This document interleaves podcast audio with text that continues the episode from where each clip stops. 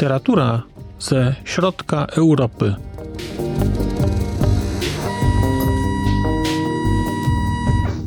Podcast około książkowy. Dzień dobry.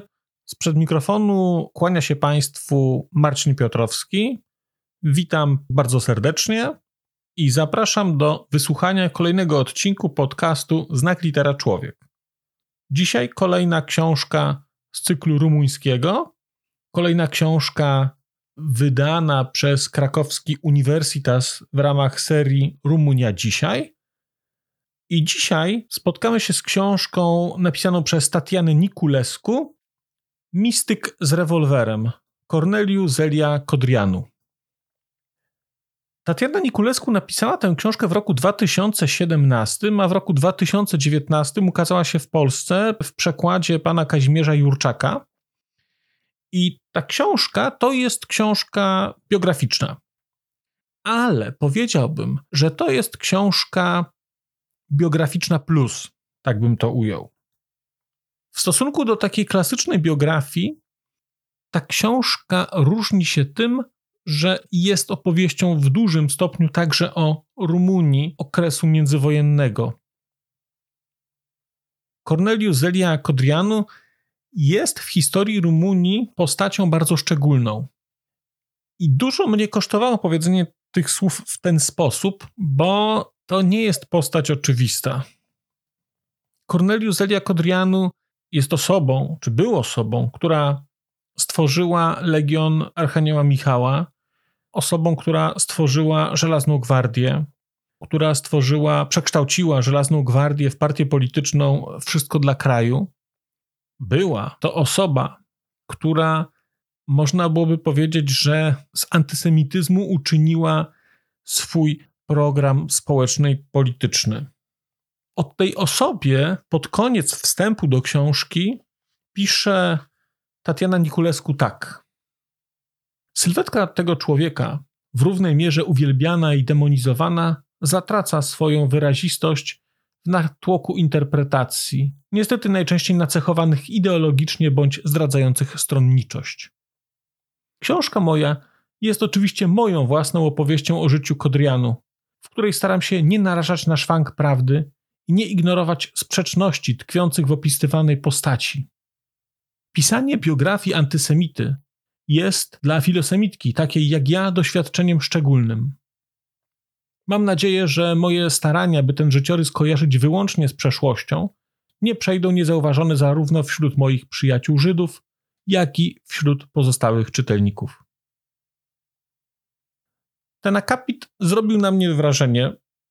Zrobił na mnie wrażenie, dlatego że na wstępie przyznać się w Europie Środkowej do filosemityzmu to jest, wydaje mi się, pewna odwaga, właściwie duża odwaga. A jednocześnie zrobił na mnie wrażenie też dlatego, że zapowiada właściwie próbę realnego spojrzenia na tę postać i odrzucenia tego takiego, powiedziałbym, wyjątkowo prostego spojrzenia, które można byłoby mieć, bo można na tę postać mieć spojrzenie bardzo proste i ja takie też miałem. To znaczy, można na tę postać patrzeć po prostu jako na postać, no nie chcę powiedzieć, że naczelnego antysemity międzywojennej Rumunii, bo to byłaby przesada, bo tam o, niestety o to stanowisko o palmy pierwszeństwa, to tam kilka osób dosyć zacięcie rywalizowało, ale Kodrianu byłby tam bardzo wysoko. I ta książka była dla mnie na początku jakimś takim też wyzwaniem trochę, właśnie z tego powodu. No ale wracajmy do postaci. Wracajmy do postaci Cornelius Eli Kodrianu. Byłem zaskoczony, bo ja mniej więcej o tej postaci coś wiedziałem. Czytając cokolwiek z historii Rumunii, gdzieś ta postać jest obecna i mocno wpłynęła na rumuńskie życie polityczne lat 20., lat 30., a Żelazna Gwardia później już po śmierci Kodrianu, bo on zginął dosyć młodo, właściwie zginął, został zamordowany dosyć młodo, jego dzieło, można byłoby powiedzieć, jego wpływ na historię Rumunii dalej miał dalszy ciąg. Dopiero czytając książkę Tatiany Nikulescu, byłem w stanie w pełni zrozumieć, o czym pisał Michail Sebastian w swojej książce od 2000 lat. Ja o książce Michaila Sebastiana opowiadałem jakiś czas temu i ta książka, ten pamiętnik, to takie wspomnienie narastającego antysemityzmu w Rumunii, pisane z perspektywy intelektualisty, zrobiło na mnie wtedy bardzo duże wrażenie.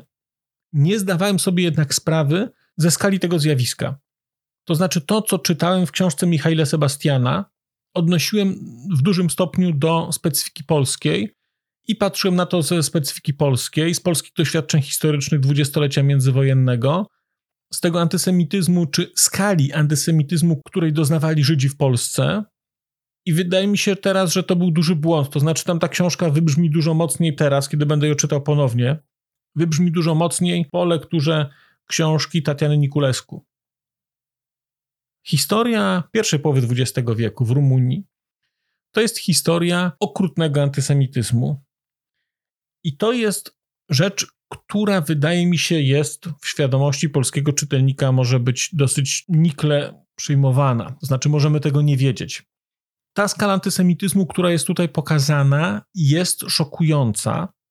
Powszechność tych wystąpień, ich gwałtowność, ich taki wyjątkowo taki brutalny i dziki charakter, realizujący się nie tylko na poziomie pogromów, które były niestety historią wspólną większości krajów Europy Środkowej i Wschodniej, ale mowa, mowa tu takim antysemityzmie codziennym, ale o takiej, wydaje mi się jednak zaskakującej dla mnie skali. O takim codziennym tłuczeniu witryn żydowskich sklepów, o regularnych napaściach na redakcję, o regularnym biciu żydowskich kolegów, żydowskich znajomych, o napadach na lekarzy, na adwokatów, o rażąco niskich karach, chociażby za zabójstwa, o karach rzędu roku, dwóch lat więzienia i zwalnianiu błyskawicznie osoby winnej z tegoż więzienia. O uznaniu, które takie akty znajdowały w oczach sądu. Jest to coś zaskakującego, przyznaję, i kiedy się tak patrzy na to, to widać, że ten antysemityzm rumuński był bardzo, bardzo głęboko osadzony na takim poziomie kulturowym, na takim poziomie religijnym i ten kraj właściwie w tym w dużym stopniu żył. Więc mamy więc ten wątek antysemicki i Cornelius Elie Kodrianu jako twórcę tego. I jest tu bardzo ciekawie pokazane to, jak osoba, która nie ma warunków specjalnych do tego, żeby być liderem ruchu politycznego, bo jest to osoba, która słabo wypada w przemowach. Jest to osoba, która buduje swój wizerunek na pewnego rodzaju takim głębokim mistycyzmie, na połączonym z tym mistycyzmem kulcie milczenia. To jest osoba, która się potrafiła przez dni nie odzywać albo odzywać się półsłówkami, a jednocześnie w oparciu o to zbudować swoją charyzmę i w oparciu o to zbudować bardzo sprawny ruch, który był ruchem o charakterze, no teraz byśmy powiedzieli, faszystowskim, ale jednakowoż nie był to klasyczny ruch faszystowski. Jest ta książka bardzo interesująca, bo ona pokazuje taką postać bardzo jednak nieoczywistą. To znaczy, kiedy zaczynałem tę książkę czytać, spodziewałem się, że dostanę postać takiego żydożercy, że dostanę postać osoby, która rzeczywiście jakoś nienawidzi i takiego, takiej osoby bardzo gwałtownej. Tymczasem dostałem postać rzeczywiście osoby, która jest bardzo głębokim antysemitą, ale jednocześnie w dużym stopniu kontroluje swój antysemityzm. W dużym stopniu, właściwie w ogromnym stopniu, kontroluje ruch, który stworzyła.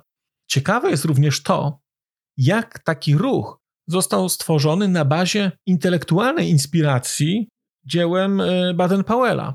To jest niesamowite, bo kiedy myślimy Baden-Powell, kiedy myślimy scouting, w naturalny sposób widzimy harcerstwo, widzimy ruch scoutingowy, taki klasyczny, bardzo otwarty. Tymczasem tutaj mamy bardzo silne inspiracje i to takie inspiracje od samego początku do samego końca tego ruchu. Inspiracje i tworzenie całego ruchu legionowego wokół koncepcji Baden-Powella. Dla mnie to było niesamowite, bo jakoś to się wydaje, że jak ten ruch jest taki harcerski i taki pozytywny w stosunku do świata, w stosunku do ludzi, to że to zawsze musi być pozytywne. No i okazuje się, że nie, nie zawsze, i że to nie jest pozytywne, bo to jest ruch, który tutaj znajduje no, swoją emanację w postaci przemocy w stosunku do, do ludności żydowskiej. Ale z drugiej strony tenże ruch działa w taki sposób, jak pisze o tym Tatiana Nikulesku. Zaraz Państwu teraz przeczytam i przeczytam teraz fragmencik, bo on jest, bo on jest, mam wrażenie, dosyć interesujący.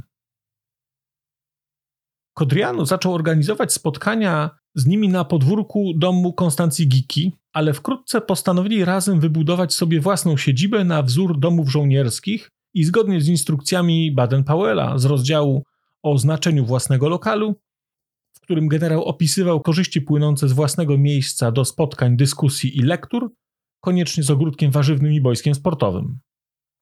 Cytuję: Zachęcajcie skautów, każdego z osobna i całe drużyny do posiadania własnego ogródka z warzywniakiem i grządkami na kwiaty, które można sprzedać i zdobyć w ten sposób pieniądze na, na ekwipunek. Przekażcie im wszystkie gatunki roślin, dzikich i jadalnych.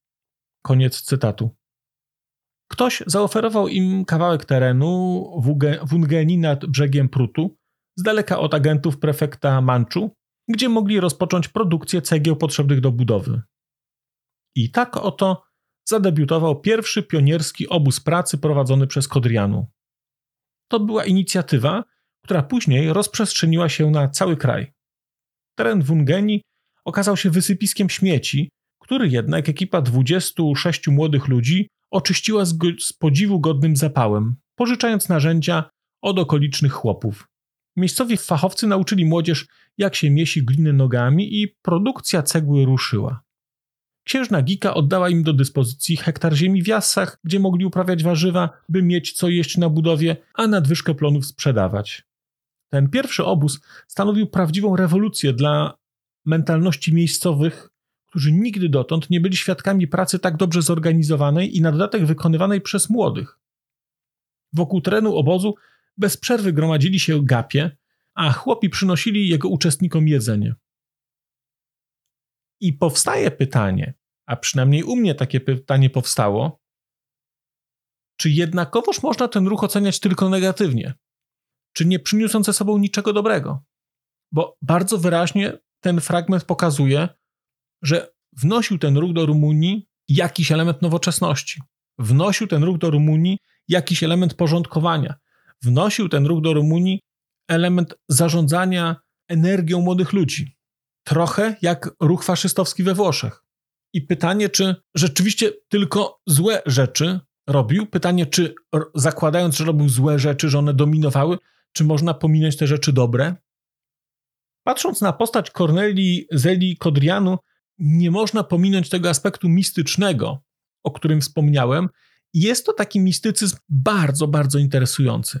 Dlatego, że Rumunia jako kraj była wtedy krajem, e, który nazywał się krajem chrześcijańskim, ale to było chrześcijaństwo obrządku wschodniego. Natomiast w Siedmiogrodzie była bardzo silnie funkcjonująca społeczność, e, która była protestancka. Była część ludzi, która powracała ze Stanów i przynieśli neoprotestantyzm. Do tego później zaczęli napływać tak zwani Arumuni, czyli taka ludność z okolic, powiedzmy sobie Salonik, którzy z kolei opisywali się jako obrońcy chrześcijaństwa typu zachodniego, obrządku zachodniego. I ta Rumunia była z jednej strony bardzo, bardzo głęboko religijna, w szczególności na wsi, w takim klasycznym obrządku, który wydaje mi się dosyć dobrze znamy z Polski. Jednocześnie ona nie była spójna, bo to były różne obrządki. Paradoksalnie trochę to, co tych ludzi łączyło, to gdzieś do jakiegoś stopnia łączył ich taki bardzo głęboki antysemityzm w, różnym w różnych tych częściach w różnym stopniu. I postać yy, Kodrianu wniosła tutaj takie bardzo szerokie ekumeniczne spojrzenie. To jest niesamowite, bo to jest człowiek, który z jednej strony nienawidził Żydów i bardzo był radykalnie antysemicki na takim poziomie wręcz ataków fizycznych, a z drugiej strony tworzył rodzaj religii. Ten cały jego ruch był takim przesiąknięty takim mistycyzmem. Stworzył rodzaj bardzo rygorystycznego takiego kodeksu moralnego, takiego kodeksu, nazwijmy to rycerskiego, takiego kodeksu, który był wzorowany częściowo na idei rycerskości, którą przywiózł Kodrianu gdzieś e, z Grenoble bodajże.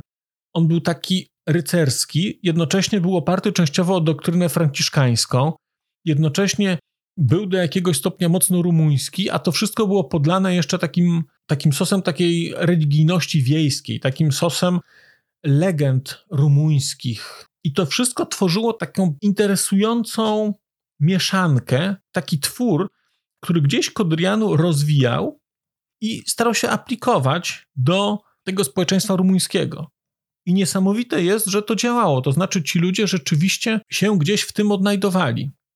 Do tego interesujące jest to, że wykorzystując to, o czym pisał Baden-Powell i korzystając też ze swojego doświadczenia jakiegoś wojskowego czy takich kursów, stworzył ten ruch na bazie ruchu takiego paramilitarnego, ale jednocześnie wykorzystywał go do działalności oddolnej, to znaczy takiej typowej pracy u podstaw. Znaczy ci ludzie jeździli, pomagali tym chłopom na wsi zbierać zboże, budowali im jakieś budynki i właściwie niczego za to nie chcieli. Po prostu przyjeżdżała ekipa ludzi, która po prostu z kimś pracowała.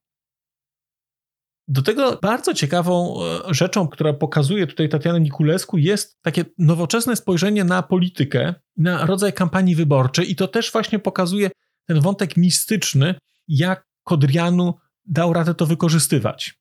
Nie będę Państwu opowiadał, tylko zacytuję fragment książki ponownie. Wraz z Michailem Stelesku, dobrze znającym środowiska wiejskie z okolic Gałacza, kapitan obmyślił plan pozyskania mas chłopskich dla swojego programu. W pewnej wsi, którą odwiedzał, przyprowadzono mu konia, żeby nie musiał brnąć pieszo pełną błota ulicą. Pomysł okazał się trafiony. Odtąd wszędzie będzie pojawiał się konno, ubrany w strój ludowy w kapeluszu z pawim piórem. Zatrzymywał się pośrodku wsi przed cerkwią, gdzie ludzie gromadzili się z ciekawości, on zaś krótko przemawiał, zapowiadając odrodzenie narodu, godzinę zmartwychwstania i wybawienia, w której każdy, cytuję, kto wierzy, kto będzie walczył i cierpiał, zostanie wynagrodzony i pobłogosławiony. Koniec cytatu. I nikt nie będzie już oceniany wedle szkolnego świadectwa, inteligencji i umiejętności, ale wedle wiary i charakteru. Wkładał w te słowa wszystkie swoje frustracje związane z własnymi doświadczeniami szkolnymi i akademickimi oraz z niedostatkiem elokwencji. Przemawiał i znikał w obłokach kurzów zbijanych spod końskich kopyt, niczym zjawa z innego świata, niczym anioły na koniach spod mąs.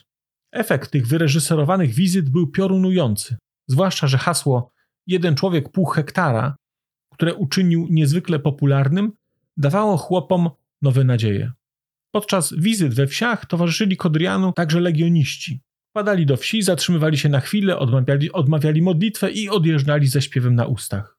Wkrótce chłopi zaczęli na nich czekać ze świecami w dłoniach, a wiadomość o ich wizytach przekazywano sobie z ust do ust.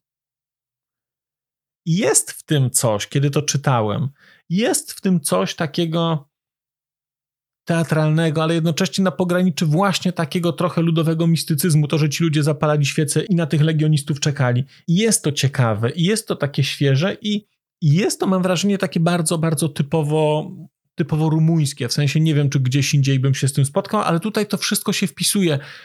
I co interesujące, a co później wrogowie Kodrianu podnosili, to fakt, że on, można byłoby powiedzieć, nie był Rumunem.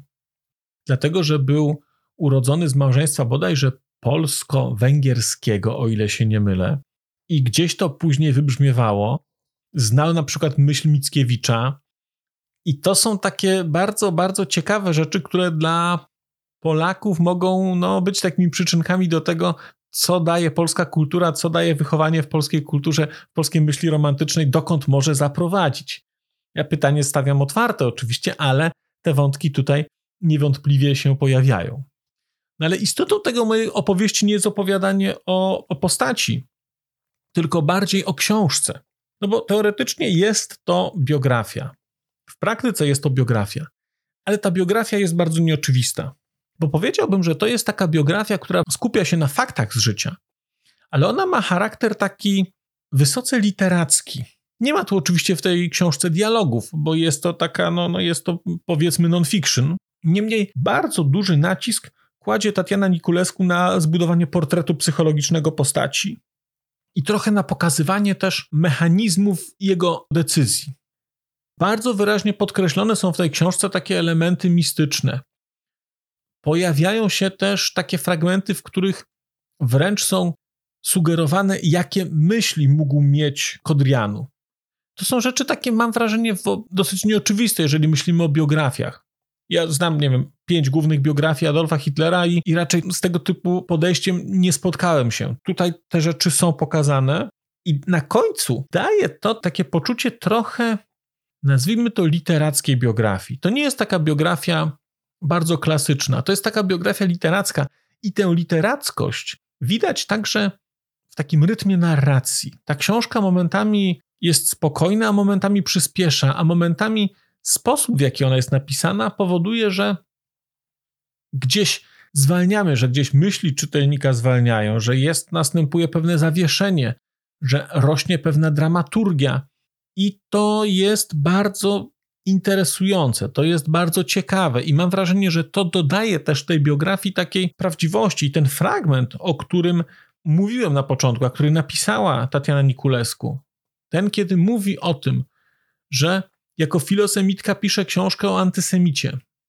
On mi później gdzieś wybrzmiewał w głowie i stwierdziłem, że udało się jej to zrobić, powiem szczerze, znakomicie. Udało się jej zrobić książkę, która wydaje mi się, no trudno mieć obraz tej postaci jakiś wyjątkowo pozytywny, ale jednocześnie ta książka zostawia nas z wątpliwościami. Zostawia nas z wątpliwościami takimi, że no, myśląc o tej postaci jednoznacznie źle, tylko i wyłącznie jest to pewne nadużycie. Istnieją granice zła, ale istnieją też podziały w ramach, w ramach tego zła. I są ludzie lepsi i są ludzie gorsi. I na pewnych wymiarach ta postać nie była zła.